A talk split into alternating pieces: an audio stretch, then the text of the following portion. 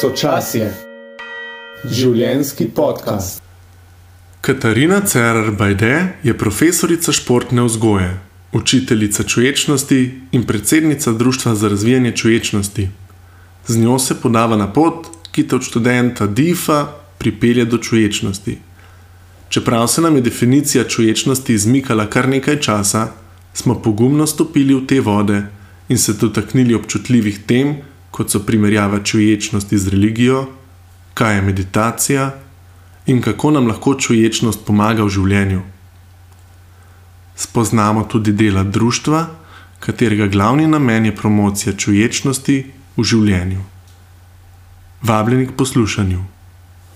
Uh, Živijo, pozdravljena, hvala, da si se odzvala. Živijo, pozdravljena, dobro, Mateja.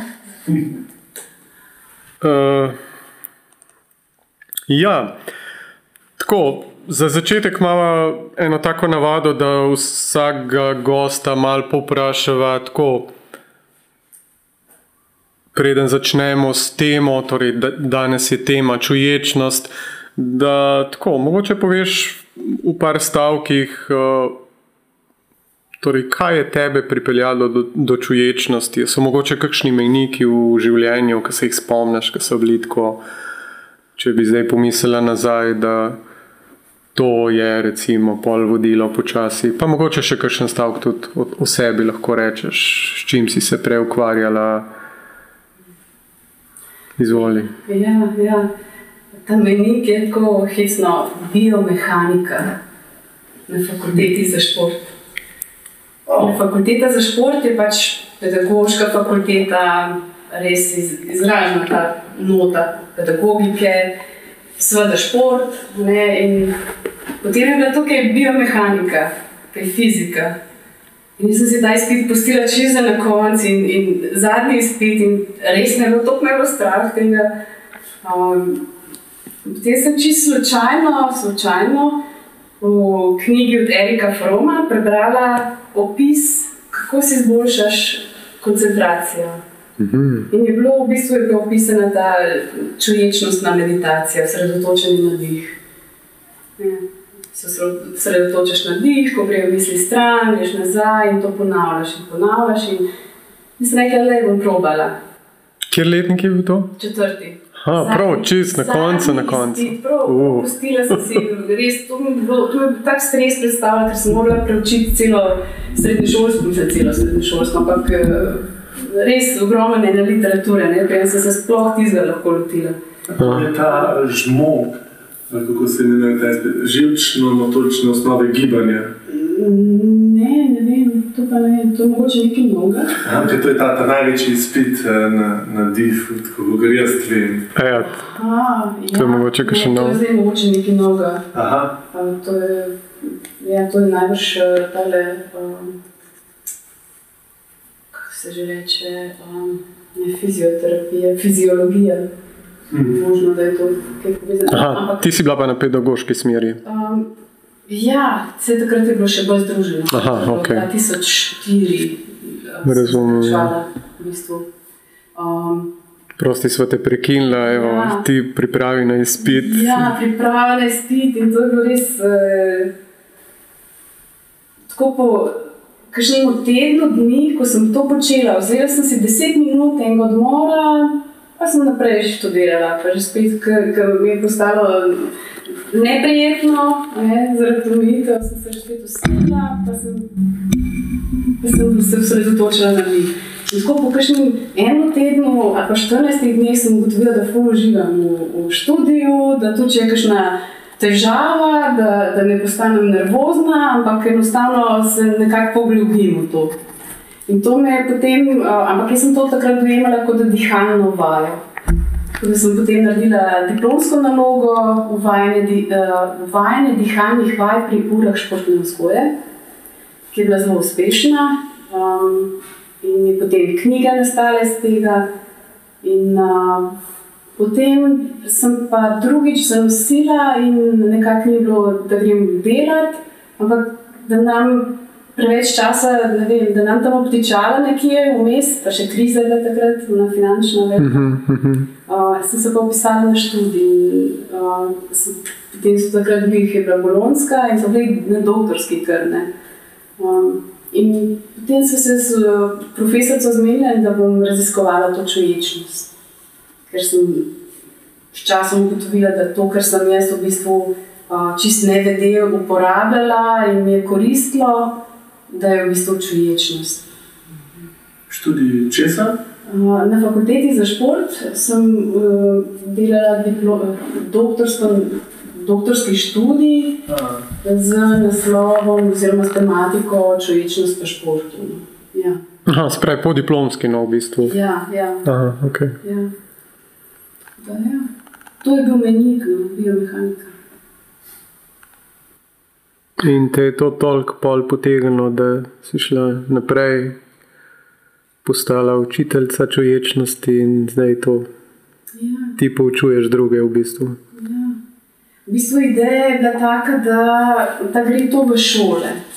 Ker sem res, ker sem videla, da če meni pomaga, jaz sem imela, ugro, mislim, jaz sem imela, zdaj vidim se nazaj, takrat niti nisem vedela. Ne. Sem imela močno anksioznost, močno depresijo, seveda obtoževanje zaradi tega, ne, zakaj nisem drugačna, ne, zakaj drugače ne funkcioniram. To mi je pa dobesedno mi ta element mi je tako spremenil, pa je šlo za 10 minut na dan, ali pa ne vem, 20 minut, dvakrat po 10 minut. In tako, tako se je spremenil moje funkcioniranje v svetu, da sem, kaj, kaj zdaj to, ne? Me res zanima in zaradi tega sem potem diplomsko nalogo delala um, in sem preučila vse dihanja, ne? na kakšen način dihanje vpliva na naše počutje, živčni sistem in tako. In je bilo res to je bilo za me res ena taka terapija. No? Ne, Pročevanje emo, emocij in dihanja. In tako, res me je prevzel čisto. Ne? In je bilo tako, to, to mora iti v šole, to morajo otroci spoznati, to se morajo otroci naučiti. Pa je bila pa ta pot je bila pa tako, da sem šla pač po uh, osemtedenskem programu, ko sem nekaj časa vadila. Um, sem se tudi, takrat sem že doktorski študij delala ne, in me je učiteljica je rekla, da bi bilo, da bi se ti naučila to voditi. Ne, tako, in potem je pri IPSI je, bil, je bilo to izobraževanje in sem šla tja. Tako, zato to ne bo bolj razlagam. Ne, super. ja. Zveni, zveni skoraj tako znanstveno fantastično, od uh, tesnobe in depresije, in potem nekaj začneš dihati, in je kar boljš. Ja, ja. Ampak je to preprosto, ne, v bistvu. Čeprav ni to preprosto, no, ni, ni zdaj se, kot da bi se vse izboljšalo, kot da jaz ne bi več doživljala anksioznosti, ali pa da, ne vem, da bi bila čist um, umirjena skozi. Ne, ni, ne to, ne, ampak Ja, po mojem je bolj tako znano, da če imaš take težave, pa so tablete, pa psihiatri, pa bolniške. Psihoterapija, no, ne smemo pozabiti. Ja, um, ampak tako,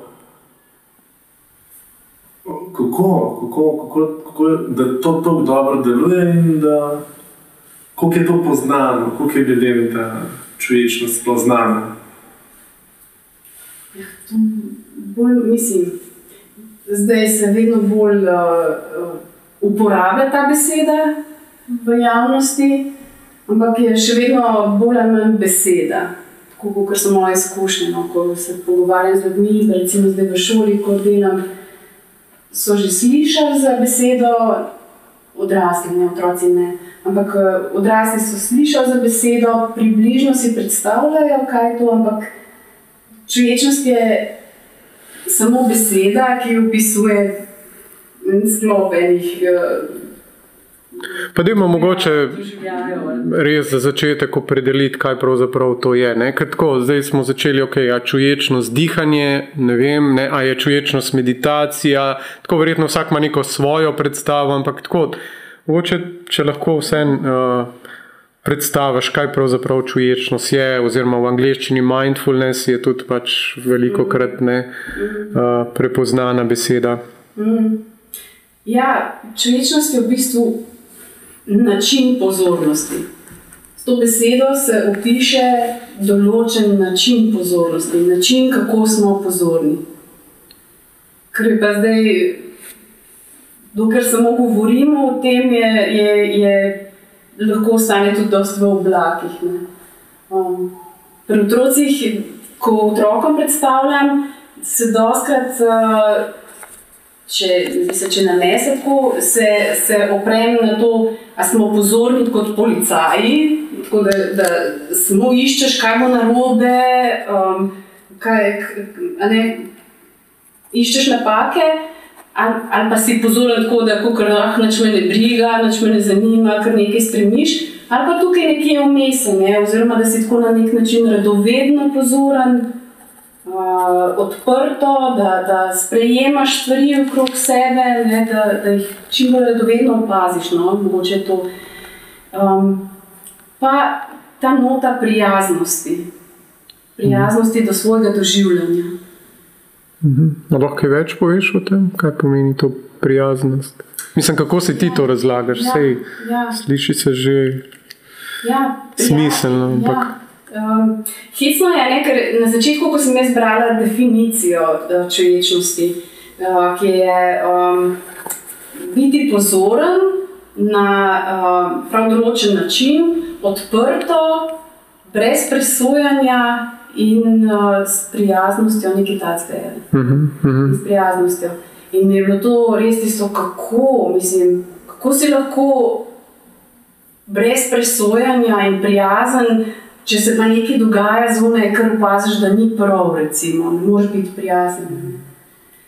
Pa je res pomembno, da ločimo ne, med zunanjim svetom in svojim notranjim doživljanjem.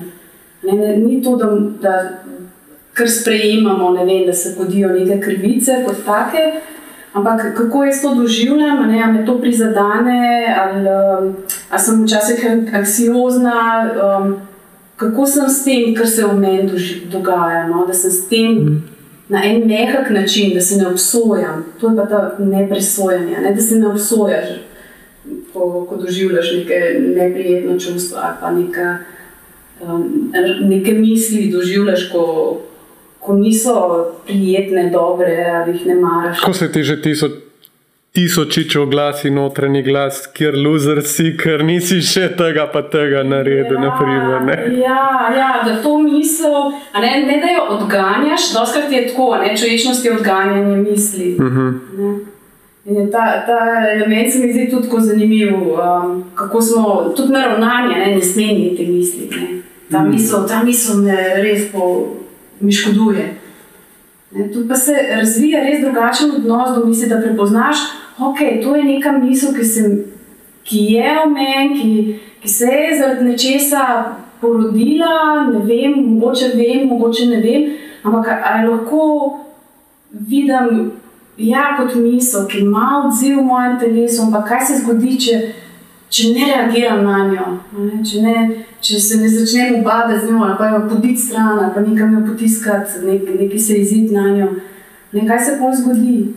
Mm. In največkrat ugotoviš, da je čez nekaj časa ni, in lahko že spet pogledaš svet okrog sebe in je že spet malo drugačne. Um, ja, ne, ne ujameš se tako, ne v tisti uh, nek feeling, nekaj misli, no, če tako rečem. Ne vem, kako mi deluje, kako je to malo kontraintuitivno, da, da bi rekel, da mi ne gre, ja, ja, pa mi gre, se bom potrudil in mi gre, ne da mi ne gre. Um, pa, kot je slišano, njih obratno. Um, Bolj, ker se borimo, slabš je. Ja. In človečnost kot odganjanje misli, pa pristopa potle na način, da damo te misli pot, se ne borimo z njo in potem kar.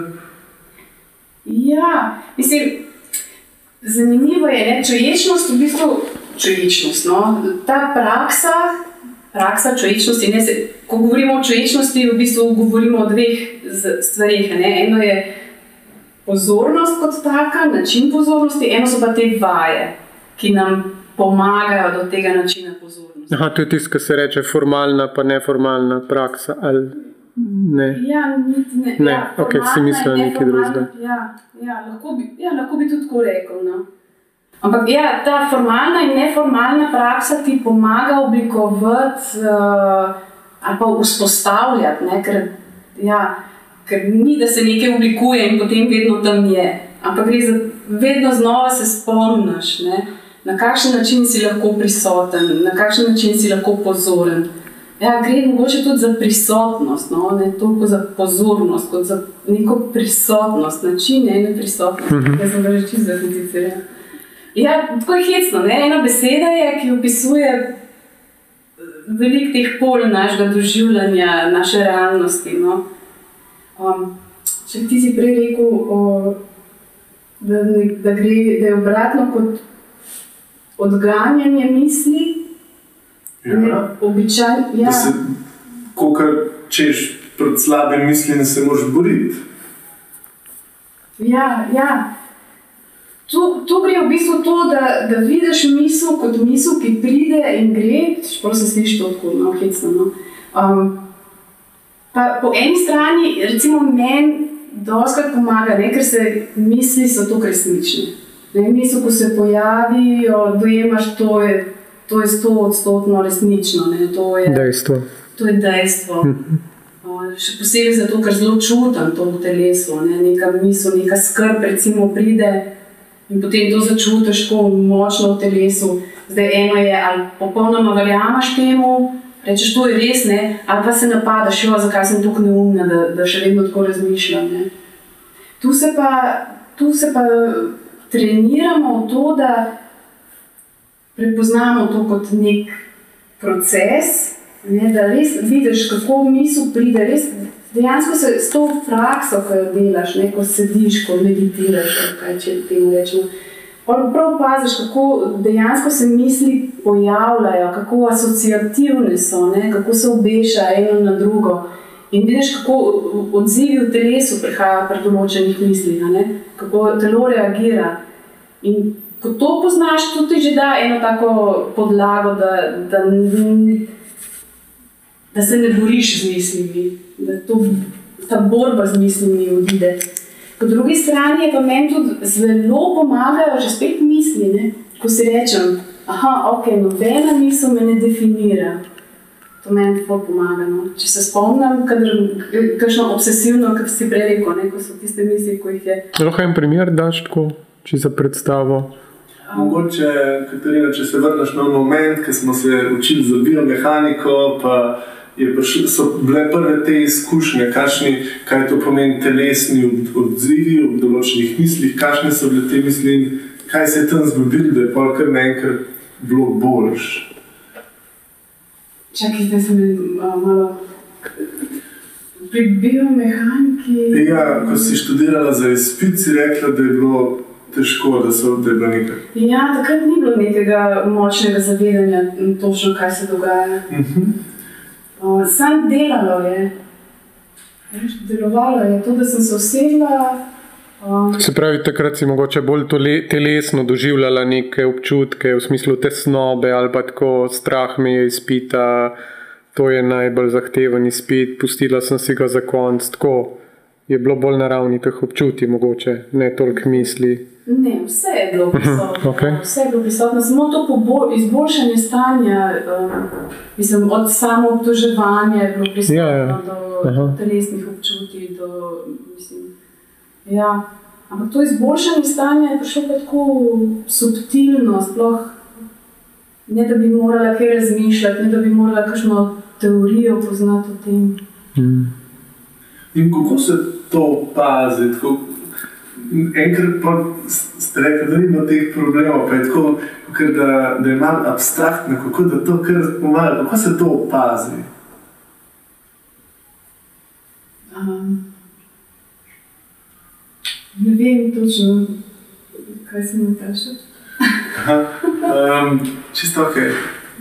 Da, da je prišlo to izboljšanje, um, kako, kako to zaznaš? Ja, če se, če se vrnemo nazaj na biomehaniko, ja. Ja. Ja, kako, je, kako je bilo zaznati to izboljšanje? Uh, je s tem, da sem lahko dalj časa delala naloge same.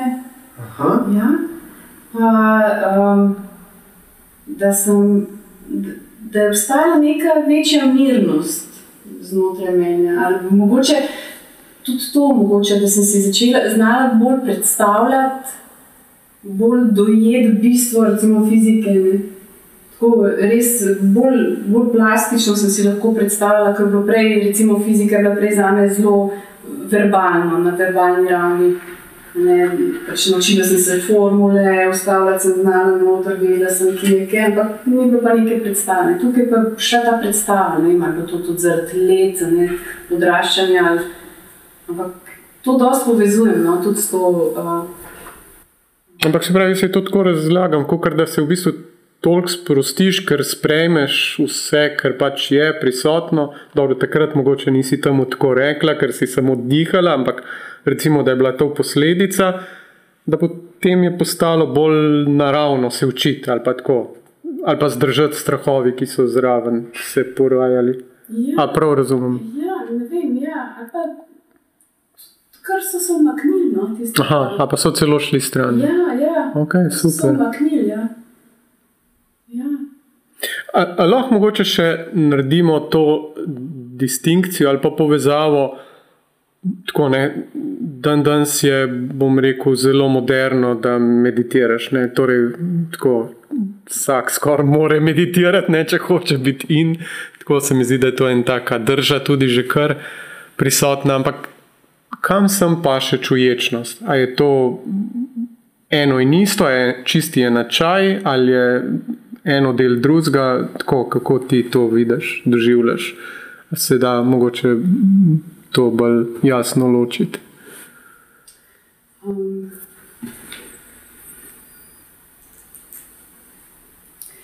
ja, mislim, meditacija. Um, jaz dejansko nisem šla gledati, kaj je to definicija, kako je definirana meditacija kot taka. Ampak kot jaz poznam druge oblike meditacije, uh -huh. um, gre v bistvu za usmerjanje pozornosti v določen vidik svojega doživljanja, oziroma v določen držaj. Mhm. Ali uh, nekatere meditacije so usmerjene v uh, izrekanje nekih mantr, ne, neke besede, nekatere meditacije so usmerjene v, vem, v opazovanje plamena. Naprimer. Um, pri meditaciji čuječnosti imaš v bistvu, mislim, pri teh meditacijah, ki se jih uporablja v okviru teh programov, ki jih izvajamo, je osredotočanje na telesne senzacije, od tega je tudi dih, ne telesne senzacije. Imáš osredotočanje na misli, osredotočanje na um, uh, zvoke okrog sebe, na to, kar vidiš v bistvu na vse čute, osredotočeni na vse čute. In tudi na uh, osredotočanje na to, kako ti pozornost skače sem in tja. Tudi to, temu rečemo, prosta pozornost.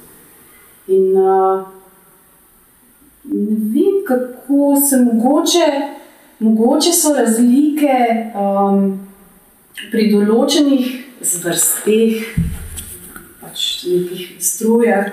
Mogoče so razlike v tem, kaj želimo doseči. Ne, ne vem, če sem odgovorila na tvoje vprašanje.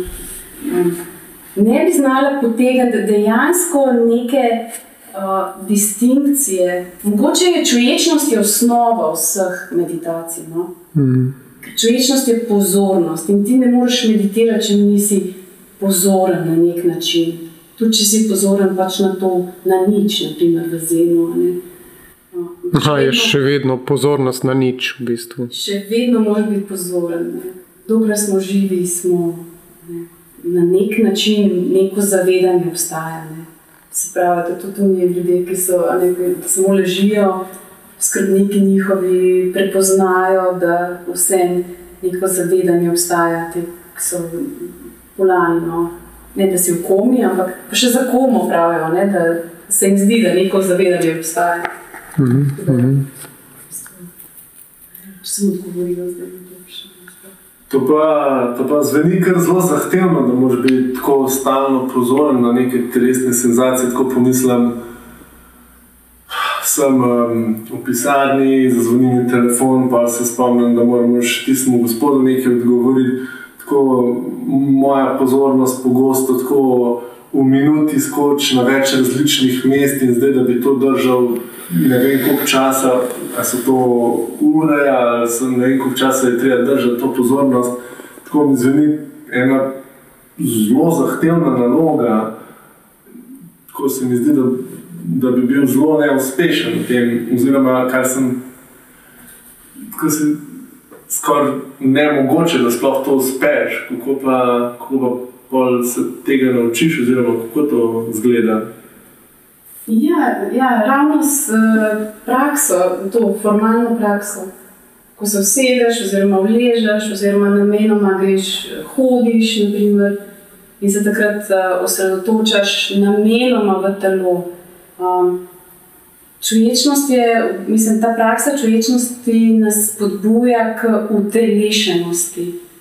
Ker mi smo doskrat samo v glavi in razmišljamo z glavo, ne telo nam pa pošilja ogromno enih signalov. Um, če smo preveč v glavi, lahko čez ne vem, par let ugotovimo, da nas pa že nekaj skozi boli in je to potem neka kronična bolečina, ki je postane neozdravljiva. Ne? Če pa smo pozorni na telo, lahko to prej opazimo.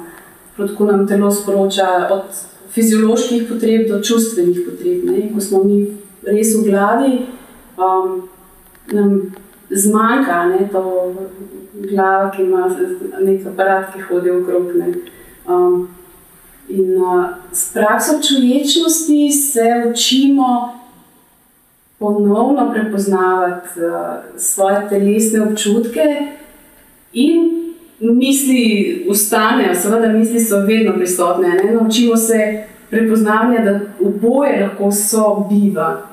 Uh, in, uh, ja, ko, ko dovolj vadimo, v bistvu to ne predstavlja neke težave. Ne? Zavedati se telesa, istočasno, ko se zavedaš uh, svojih misli, dogodkov okrog sebe. Ne predstavlja več težave, ni to neki napor. V bistvu postane, v bistvu postane nekako uh, naravno bolj naravno, kot samo biti v glavi. No? Mhm. Ja. Če se spomnim, ko sem bil jaz na osnovnem, sem bil jaz na osnovnem tečaju eh, čuječnosti, eh, pač to je en del, ko si zdaj govorila, ne, ko so te formalne vaje, ki jih izvajaš. Uh, ampak pol je bil pa tudi poudarka na tem drugem delu, ne? torej biti znotraj vsakdanjega življenja pozoren, uh, na neko konkretno dogajanje. In recimo, vem, če se spomnim, uh, umivanje zob ali pa tuširanje, tako koliko hitro v resnici ti.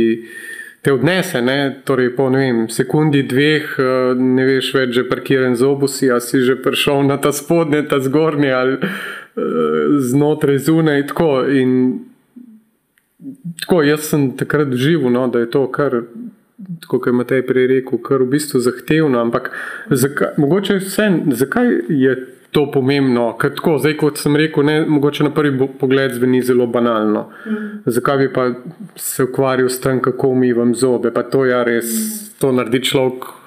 Spotoma, ne da bi se lahko temu posebej posvečal. Zakaj, zakaj je to pravzaprav pomembno? Mm, ja. Ali pa karkoli drugega, no, vse pač stvari, ki jih počnemo v življenju, avtomatsko, ne kot rečemo na avtomatskem pilotu.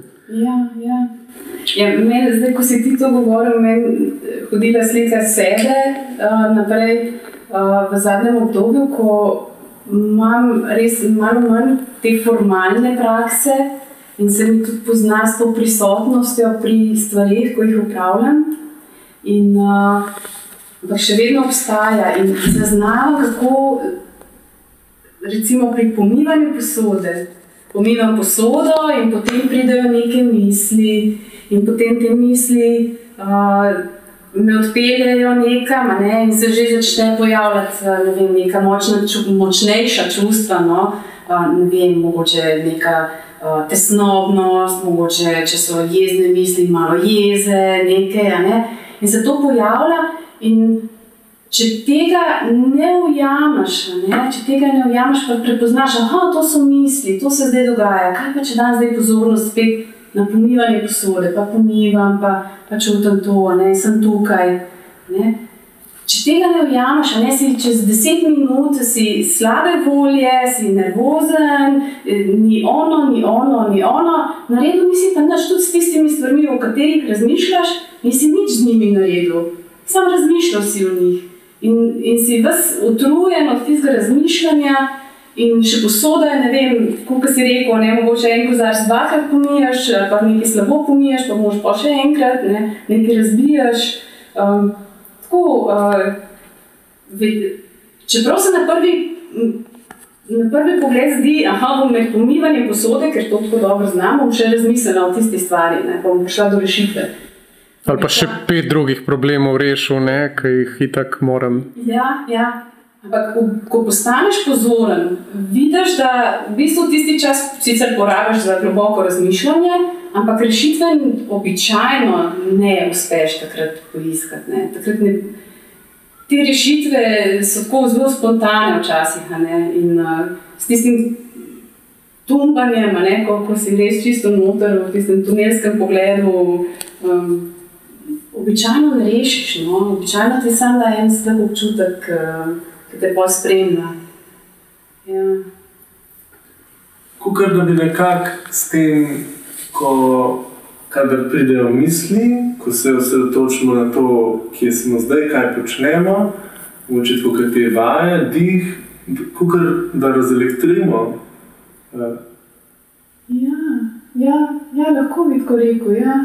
Ja, kot da se razelektri po dežju, ko pride tisto, uh, ko elektroni skočijo, ko je zrak tak. No, ja, malo lažje zadihaš, no? malo se, kot da se telo sprosti, ne te napetosti. Ja.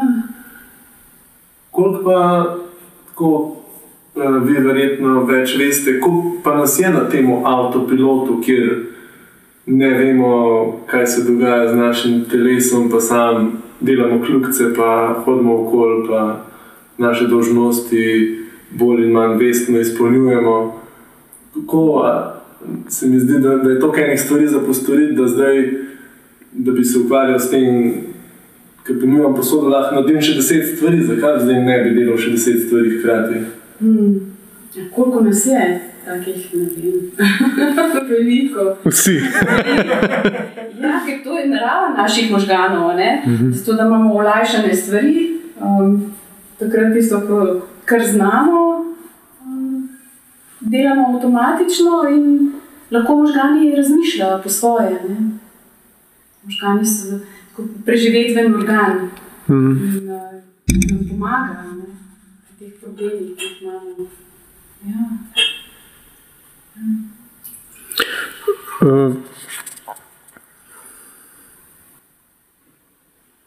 kako ti čutiš, da ti, recimo, zdaj, po toliko letih tudi prakse in spoznavanja in razvijanja tega, eh, to, recimo, konkretno pomaga?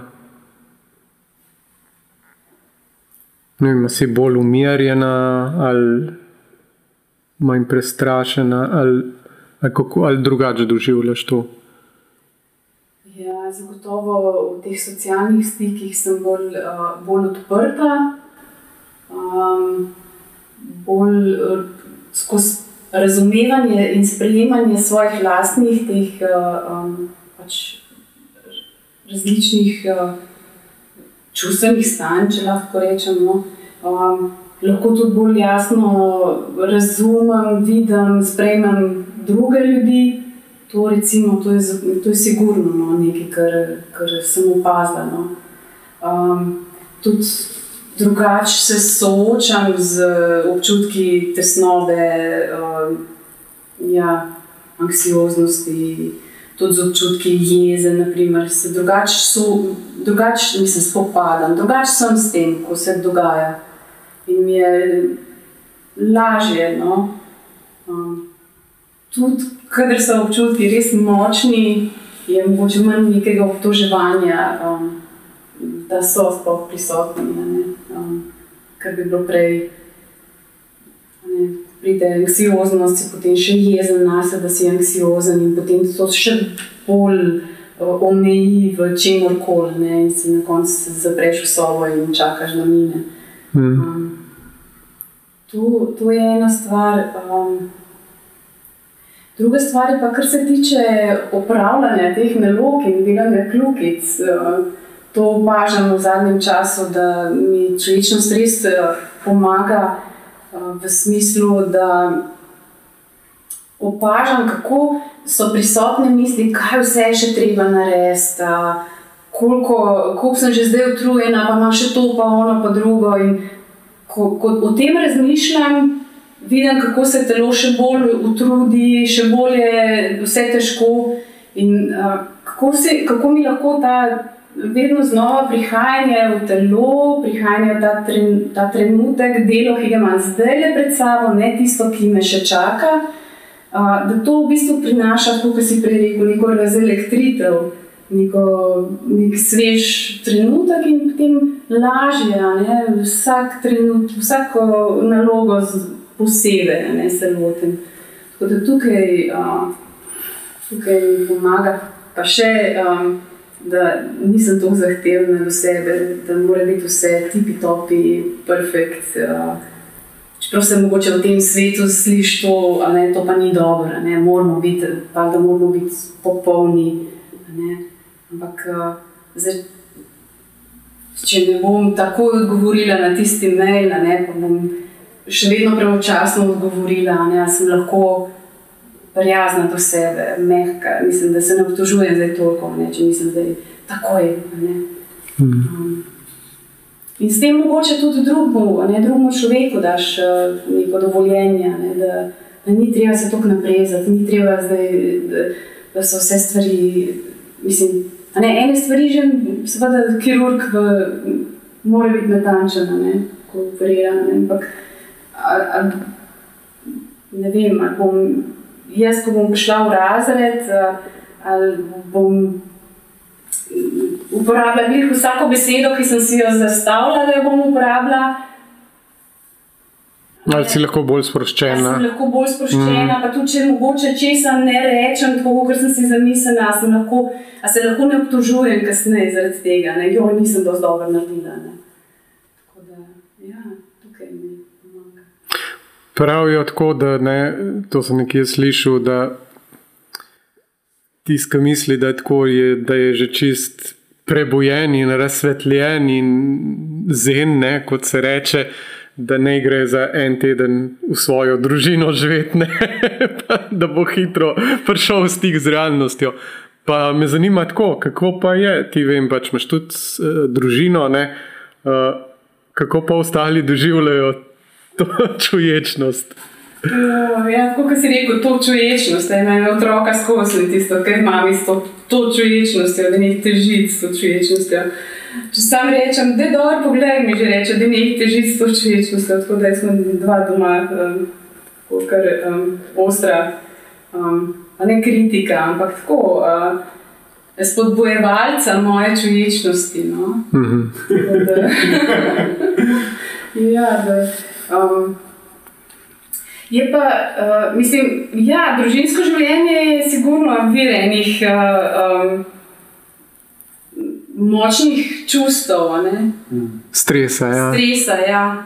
Ko, ko res. Uh, Ko si, čuj, ko si čuječen, no, ko delaš te vaje, zdaj ne vem, če sem čuječen, ampak ko delaš te vaje, ko sediš, ko, ko vedno bolj jasno začneš prepoznavati svoje misli in jih potem tudi v vsakdanjem življenju prepoznaš. Potem v tej komunikaciji z otroki res tako jasno mislim, jasno, včasih malo manj, včasih pa veliko bolj jasno vidiš, ne, kako te tvoje lastne izkušnje izpred. Ko si bil ti otrok, ne, kako si ti odraščal, kako vplivajo na tvoje interakcije z otroki. Ne, in, in lažje je potem uh, tudi mogoče uh, lažje se na neki točki ustaviš. Ne, in, in, pa si, si res vzameš, rečeš, da zdaj pa je zdravimo domov. to sem že nabildana s temi stresnimi hormoni, da zdaj pa res rabim odmora. Pa, ne vem, drugače, tudi to prihajanje vedno znova v telo. Naprimer, ko se pogovarjaš z otrokom, kot je neki, ne zdaj imam mislim 12, ki je veliko pametuje. Mm. In to, ko začutim stopala na tleh, ko se pogovarjam z njima, mi daje res eno energijo oziroma eno moč, da mogoče nekaj bolj mirno odgovorim nazaj, da mogoče ne, ne povem vsega, kar bi želela povedati, ker je itak, mogoče, mislim, tako no, neka večja mirnost no, pride. Ali pa da si dovoliš poslušati do konca, kaj ima ta povedati, da ne v prvem stavku že takoj začneš ja. ali zbruhneš ali ja. pa karkoli že. Ne? Ja, to je tudi ena taka, ja, tisto, da pride ta impuls, da bi nekaj rekel. Pa lahko, da okay, greš nazaj, pa malo počakaš. Sicer vedno ne uspe. No? Ne, kot si rekel, deset minut v domačem okolju, pa si lahko že včasih to moj bog. Zelo na obratih. Ja. In tle bi jaz mogoče tudi podelil en primer iz prakse, ker prihaja ena gospa, ki se tudi uh, je podala na to pot človečnosti z tem uvodnim. Uh, spoznavanjem tečaja, če se tako izrazim, in zelo doživlja, to, ker mi smo se tukaj že zdaj lovili, kaj sploh je ta človečnost, in potem nekdo na začetku te poti se lahko počuti zelo neuspešen.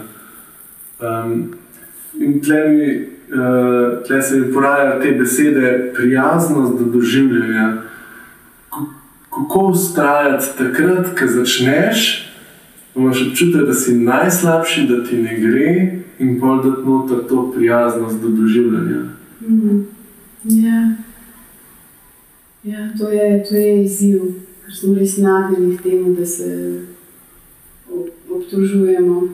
Um, pri tej praksi je um, gre pot skozi, vedno skozi telo ko mi doživljamo sebe kot neuspešnega, seveda to so neke zgodbe, ki jih imamo, ki nam govorijo, um, ki nam povejo, in niso zanemarljive. Ne? Mislim, pač naš intelekt ima svoj namen.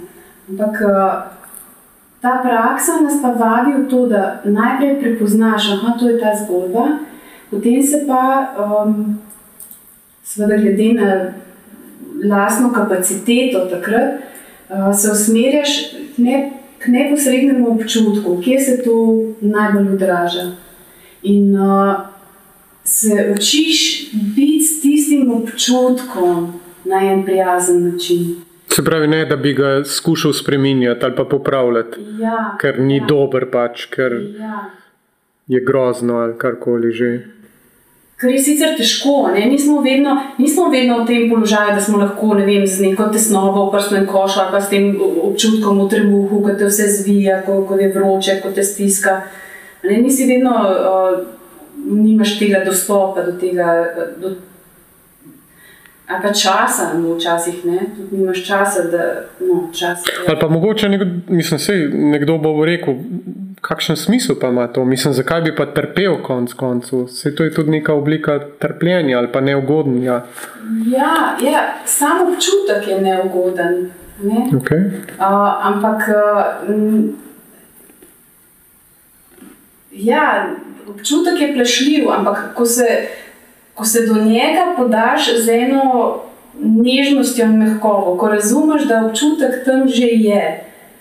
Uh, in, uh, Bolj ko ga potiskaš nekam stran, ne, ali pa ga z nekimi tabletami celo hočeš uh, uničiti, ne, to sigurno vpliva na neko ravnovesje nekje drugje, v telesu, v duši, mislim, v umu. In, uh, v bistvu jaz tako doživljam, no, ko, ko sem s temi občutki na prijeten način, mislim, na prijazen način, se v bistvu odpre neka prijetnost neka mehkoba, neka, neka ljubeznivost no, do, do tega, in v bistvu postane uh, dogajanje na nek način zanimivo. Hmm. In uh, potem opaziš, da tudi ta občutek sam mine. In uh, dosti krat takrat pride neko novo razumevanje situacije.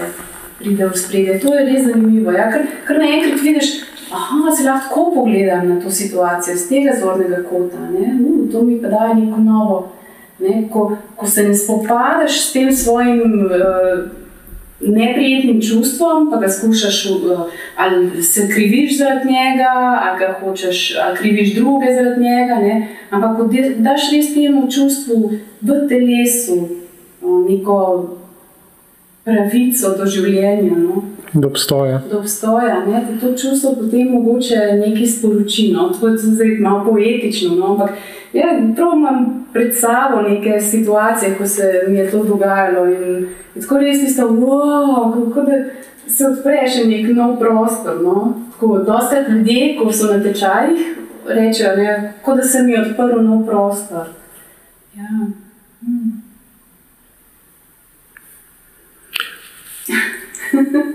uh, jaz pa imam potipal še v eno drugo smer in sicer ko slišim tako čuječnost, si rečem, kako pa je to prišlo. Ne? In tako imam tako občutek, da ima en tak vzhodnjaški pridih.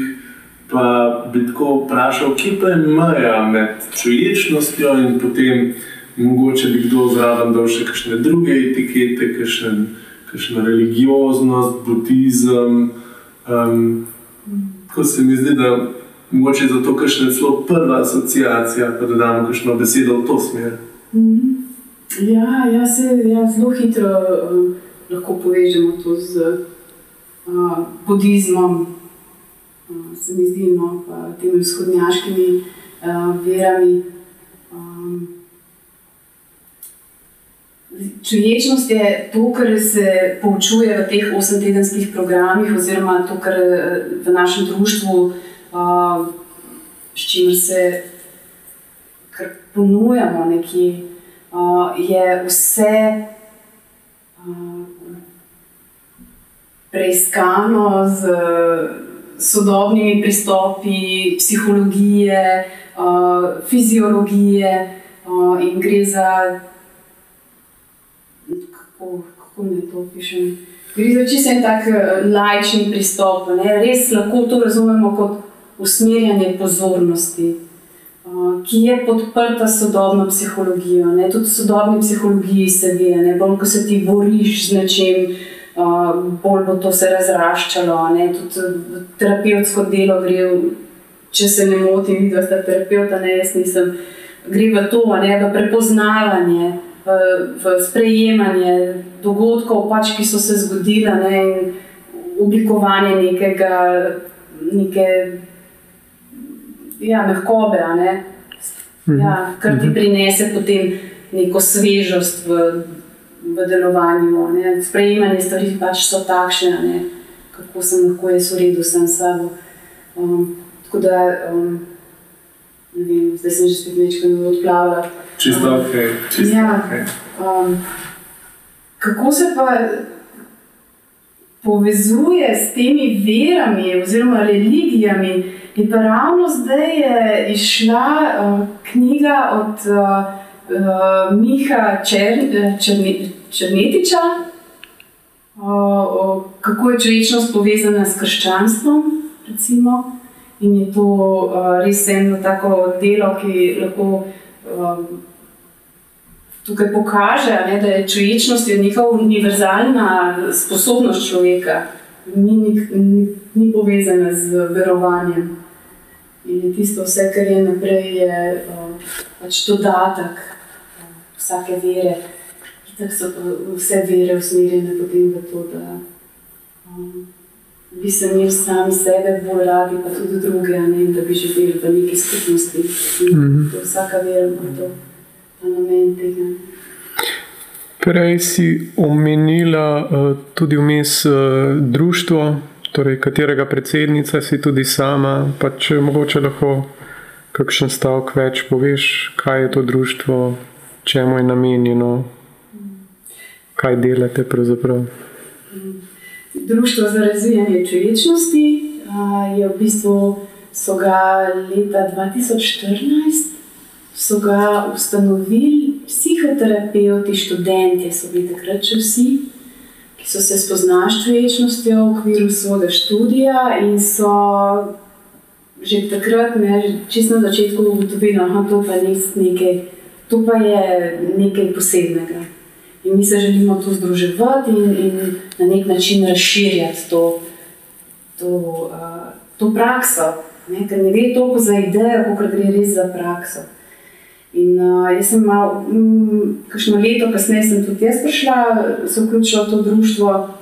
In uh, po nekem spletu, v okoliščini, sem pač postala zdaj predsednica, no, ampak to zdaj ne upoštevam kot nekaj neko častno mesto.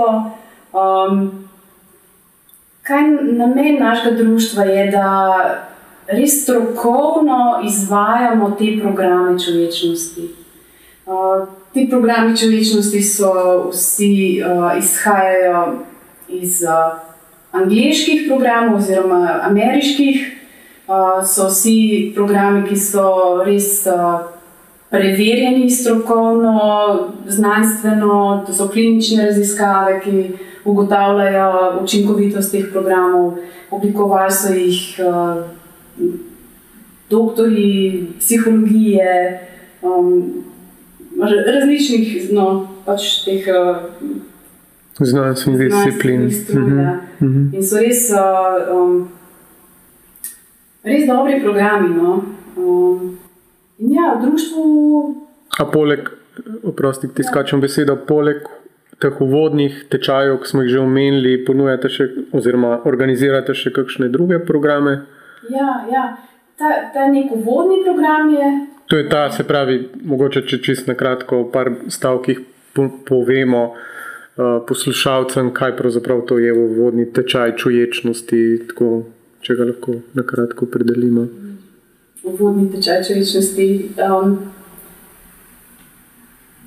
v tem vodnem tečaju se v bistvu uh, posameznik spozna z različnimi oblikami vaj čuječnosti v skupini in z učiteljem prepoznava, kako unesti čuječnost vsak dan, tudi v pogovorih se prepoznava, mogoče, kje so. Kje so težave, kako jih ne prejiti, ampak ja, kako jih usmisliti te težave, no, če tako rečem. Um,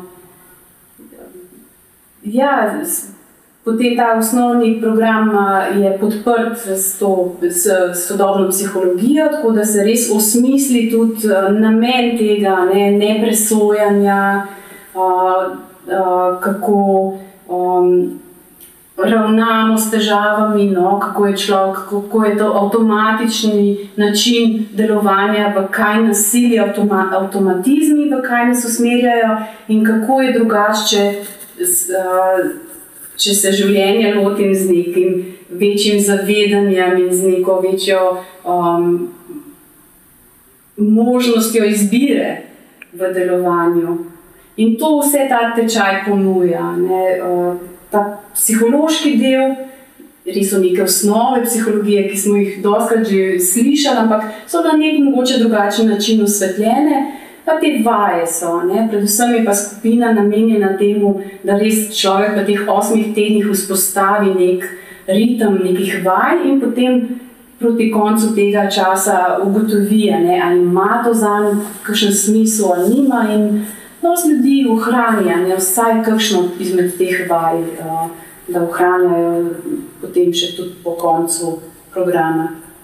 Ja. To se dobite vsak dan, koliko časa traja srečanja? Mm, to, to so tedenska srečanja, enkrat na teden, v določenem času, uh, dve uri in pol trajajo običajno ta srečanja v živo. Ko smo jih pa imeli preko Zuma oziroma preko spleta, Um, so pa ta srečanja lahko tudi malo krajša, no, ker je mogoče druga dinamika skupine. Dostakrat so še celo zahtevnejša preko spleta. Kaj teže je verjetno pozornost toliko časa ne, usmerjeno držati. Ja, na ta ekran in mm -hmm. smo negibni, da pred ekranom sedimo kot uh, kipčki. Ja, tako. Um, ja. Prej sem te prekinil, smo na ta tečaj zašli. Ja, mislil sem še, kaj, eh, če lahko še par besed o drugih programih, ki vem, da jih vaše društvo ponuja.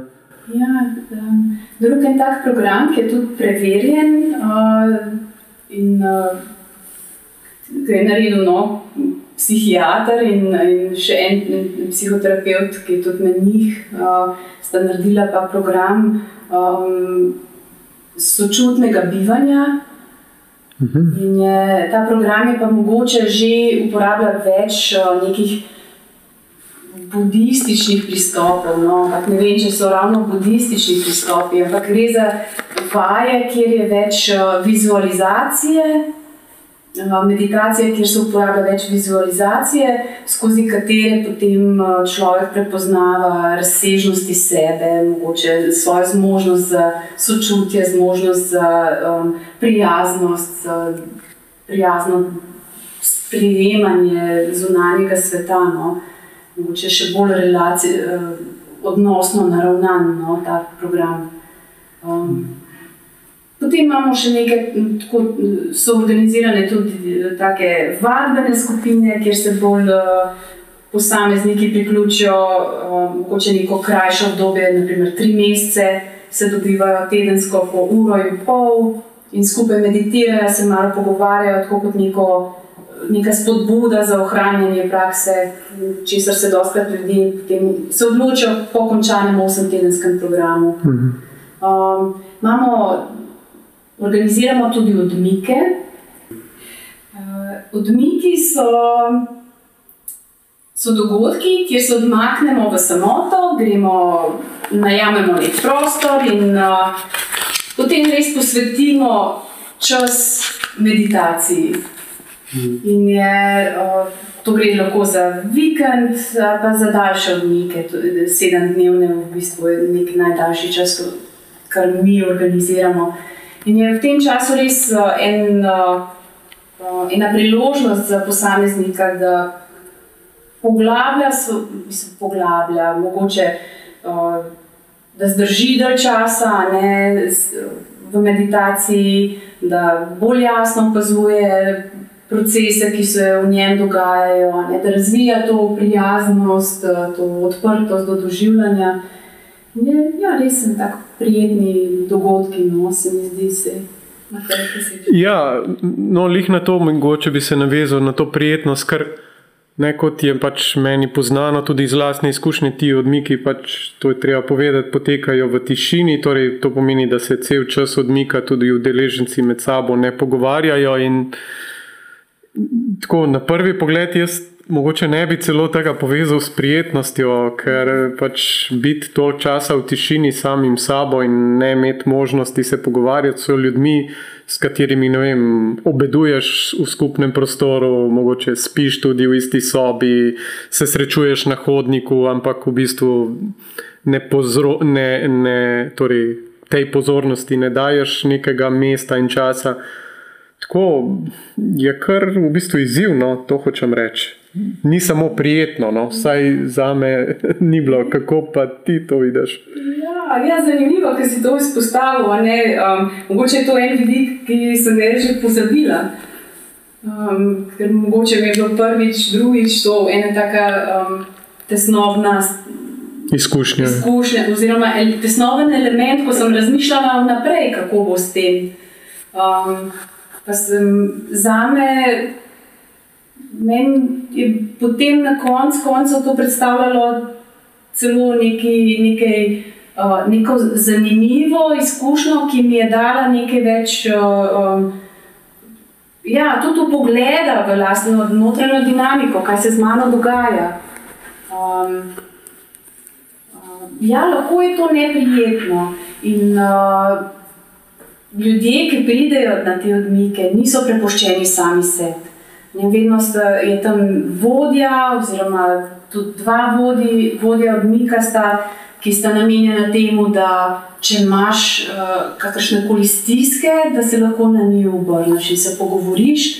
Uh, odmiki so organizirani tudi na tak način, da ni zdaj treba tam sedeti, upravljati vaje. čuječnosti, meditacije, no, če tako rečemo. Vaš čas. Vaš čas, ja, lahko vzameš čas zase, bereš, greš na sprehod. Um, ne, um, ali celo predčasno zapustiš, ne, ni zdaj nek to um, tekmovanje. Prisila, no, ja, ja. na drugi strani. Da, uh, mogoče sem iz tega vidika videla te naše odmike kot nekaj prijetnega, uh, ker si res. Uh, mogoče je tudi grajenje neke, nekega, neke samozavesti, kaj je dobro za me, da naredim, ne, nekega dovoljenja, da to lahko naredim. Mogoče je to tudi eno krepitev tega elementa sebe. Ne? Lahko poslušam samega sebe in se odločam uh, drugače.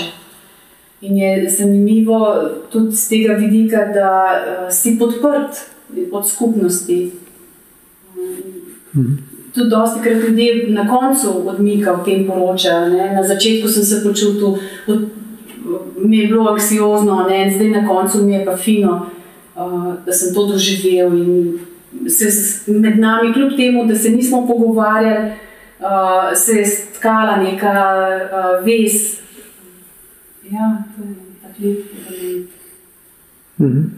Je zanimiva beseda odmik, kjer sicer res se odmaknemo od nekega tega vsakodnevnega vrveža. Ampak um, se mi pa zdi, da se pa, je pa prav nasprotje od odmika od samega sebe. Je prav obratno, čutim, da gre, greš proti sebi. Um, in tudi zanimiva mi je ta, ta uh, zmanjšana količina um, dražljajev, kjer v bistvu postanemo še toliko bolj um, občutljivi za tiste države, ki so. Lahko je to res en tak bežen pogled, ampak ga lahko zelo hitro prepoznaš kot ljubečega. In um, se mi zdi, da, da ne rabimo toliko, da dobimo. Ker potle, pa, ko se vrnemo iz teh odmikov, so pa pogosto stvari preintenzivne, um, dokler spet se navadimo na to, da. Vse je pisano intenzivno, zasloni utripajo, ulični vrvež. Okay. Kako, mogoče to se mi zdi, lahko še poveš, kako pa je ta torej, eh, prihod nazaj v vsakdanje življenje. Ja, tako kot ti na tej že rekel, ja, lahko je zelo kaotično, no? um, da je toliko dražljajo. Um, po drugi strani bi pa jaz zase lahko rekla, da mogoče lahko postanem še bolj po teh odmikih, uh, na nek način še bolj prisotna. Um, naprimer, vem, ko grem po cesti, da še bolj jasno opazim obliko stavb, uh, drevesa. Raz, različne, ne vem, regrat, kako cveti, kakšne oblike. Da to še to bolj prihaja v spredje in ti, in ti res uh, polepša dan, no? mislim, obogatiti dan. Že sam en, ko greš od, od A do B, od, od doma do trgovine, lahko na tisti poti ogromno opaziš. Ne? Se mi zdi, da na odmikih sem res dobila to kapaciteto uh, ustajanja v dejanskem okolju, ne? da ne bežimo tako v misli, ne? pa da opaziš in se hkrati lahko zavedaš misli. In ti to res obogati, no, dan. To, to je ne, to, ta praksa, da ti bogati trenutke, mm. v bistvu ti jih da več, no, bogate. Super. Tako, mogoče je lahko na tej točki nekje počasi sklenemo ta del, se mi zdi tako in tako dobro izhodišče, ne, da v bistvu je praksa čuječnosti pravzaprav poglobi tvoje doživljanje, ne pa ga oduzame, kot mogoče na prvi pogled ne, zveni, ne, torej da, da pač tisto, kar je ali neprijetno, ali tako, ampak da ti ga poglobi, hkrati pa da ti da en nov pogled, ki ga še do zdaj nisi imel. Mm. Tako čist uh, proti koncu bi te rada vprašala, oziroma postavila še nekaj vprašanj, takih splošne narave, ki jih vsem gostom dava, uh, tako z vidika tega, da, da mogoče še kakšen drug vidik uh, tebe spoznamo. Uh, in eno tako prvo bi bilo tako, če, uh, če lahko poveš, kakšna knjiga, ki ti je v zadnjem času, ki si jo prebrala, ki ti je ostala v spominu ali ti bolj izstopa, če se jo spomniš. Um, Kaj ti najprej pride na misel? Da mi pride v bistvu na misel knjiga, ki jo berem, oziroma sem jo začela brati, je Sebični gen. Uh, Richard Dawkins. ja. Uh, to, to mi je uh, in se povezuje v bistvu z, z tem, kar uh, prakticiramo, oziroma kar poučujemo nekje. Um, knjiga, ki sem jo brala, ja, bolj malo nekaj berem. No? Bi lahko rekla tako, da bi res zdaj lahko naštela nekaj velikih knjig. Um, Pa mogoče kakšen film, serija, ki te je pritegnila, ki kar ostaja. oh, Če je kaj. um, film, čakaj, pred kratkim sem gledala, zdaj ste me pa dobila. No, to je malo res pomisel. Se to ni test, veš? Tega. Ja, ja. Mogoče um, ampak serije, serije, pa, serije pa smo gledali. Um, S, z možem gledala, ampak to pred časom sem imela obsesijo, sem gledala The Office. Ja, okay. Joj, to ti res ne veš, a bi, a bi nehal že gledati, a, a kaj, ali so že vsi čist, mislim, da res no. Najprej sta tu čuječnost mal dala na pašo takrat. Ja, mislim, opazovala sem odzive v sebi, ne? to sem opazovala, kako nervozna postajam. In, in, uh, ja, ja, to. Um, pa taka lušna, lušna je, zdaj s hčerko gledava, hčerka je 12 let stara in zdaj gledava Modern Family. Skupaj gledava in to To je zanimivo, ja. Ja, polno modrosti, uh, lušno, lušno. Uh, tako da ja, to recimo. Super. Uh, tako imaš kakšne hobije, stvari, ki jih rada počneš, Ja, uh, poleg čuječnosti, seveda. Čuječnosti, vse počnem čuječno in vse postane hobi. Ne, se ne. Mislim, ja, no, recimo nekje ta pot, no, mogoče, zdaj, ko si tako vprašal.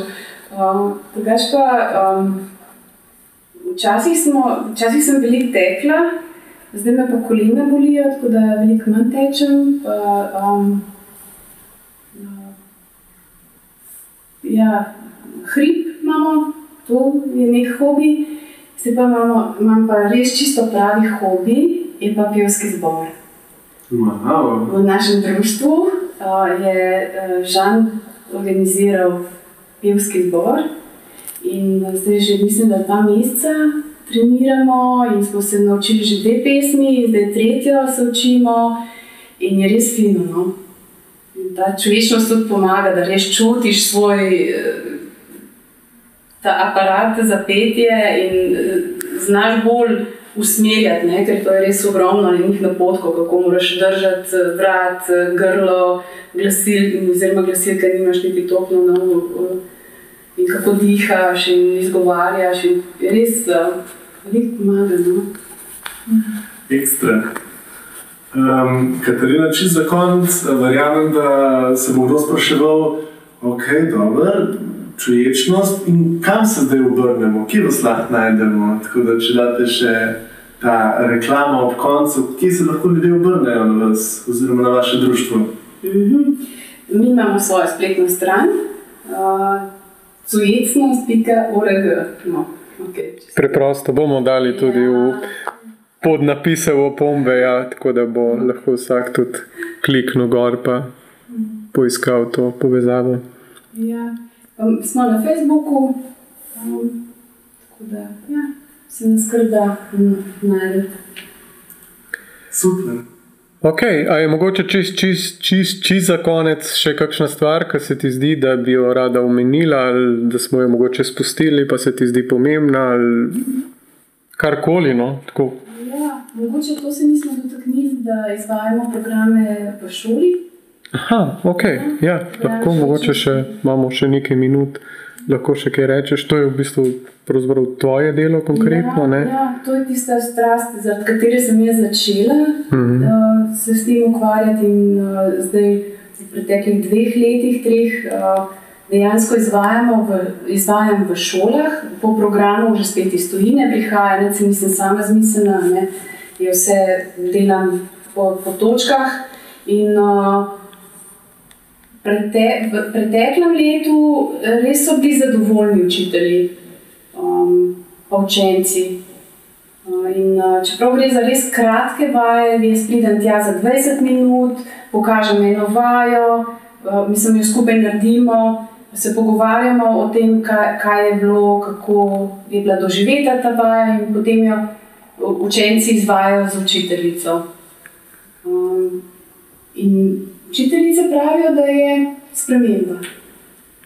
Da so otroci bolj. uh, Ja, ne vem, bolj pozorni, bolj mirni, bolj prijazni. Ja. Nas ne sofinancira mestna občina Ljubljana. Aha. Se pravi, na področju Ljubljane se to izvaja Ja, trenutno. Trenutno na področju Ljubljane in uh, nas uh, mestna občina Ljubljana sofinancira. To je res uh, nekaj, kar nam sploh omogoča to izvedbo. Prav, ok. Hvala lepa, ker si prišla, ker si bila danes z nama. Hvala vam za povabilo. Vse dobro.